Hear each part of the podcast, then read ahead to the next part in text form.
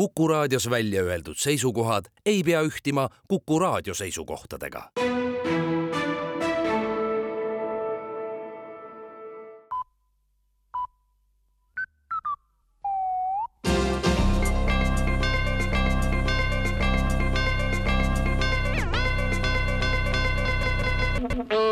uudised on eetris ja stuudios Rohke Debelak Ameerika Ühendriikide administratsioon, mis kehtestas hiljuti Venemaale viissada uut sanktsiooni, andis teada, et on sunnitud sanktsioone otsast tühistama hakkama. põhjuseks on, et iga mõne aja tagant on vaja kehtestada uusi sanktsioone, kõik aga on juba ära tehtud, mis pähe tuleb ja seega peab tühistama kõige esimesena tehtud sanktsioonid, et neid oleks võimalik mõne aja pärast uuesti kehtestada. nii tekib sanktsioonide karussell, mida on kogu aeg Ukraina abistamiseks võimalik kasutada ja Ukrainal on teadmine, et vähemalt sanktsioonid ei saa läänel mitte kunagi otsa.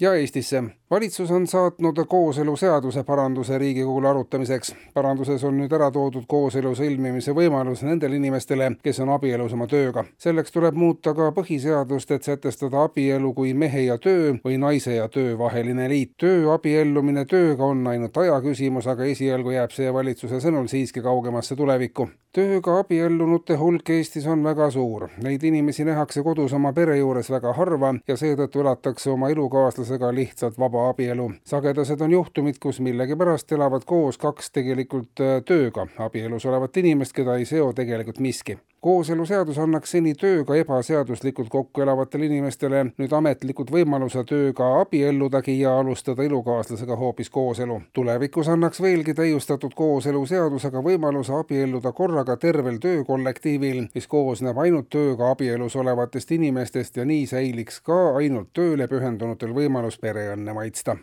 ja kultuuriteateid. Eesti Rahva Muuseumi kogud saavad peagi väärikat täiendust, kui muuseumile antakse üle esimene osa kogutud Eesti rahvalollusi muuseumis on juba väga palju rahvatarkusi ning üldse on rahvatarkuste kokkukorjamine ja nende järeltulevatele põlvedele säilitamine olnud läbi aegade vähem või rohkem edukalt korraldatud. teadurite sõnul oli rahvalolluste produtseerimine ja kogumine aga siiani lapsekingades ning alles viimastel aastatel tänu sotsiaalmeediale, milles propageeritakse oma peaga mõtlemist ja uskumist, on jää liikuma hakanud. lollusi koguneb juba pikemat aega iga päevaga ja selle aasta lõpetuseks on võimalik koostada esimene kahe tuhande leheküljeline köide, mis teeb Eestis kõige suurema kogutud rahvalolluste hulgaga riigi maailmas. uusrahvalollused ületavad vanarahva tarkusi oma mahult hetkel juba kolmekordselt ja majandusest. kiire tõus jätkub mitmes sektoris, eeskätt startupide vallas. eile kell seitseteist õhtul pidas Kavastu politsei kinni kahekümne seitsme aastase kohaliku meesterahva, kes oli poole tunni eest bussijaamas Tartu bussi oodanud inimestelt kaasanud kokku kolmkümmend seitse eurot.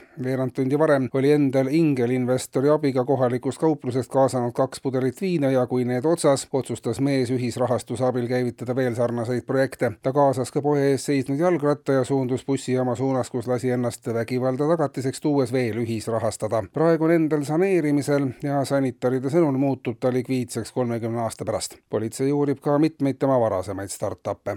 eetris olid uudised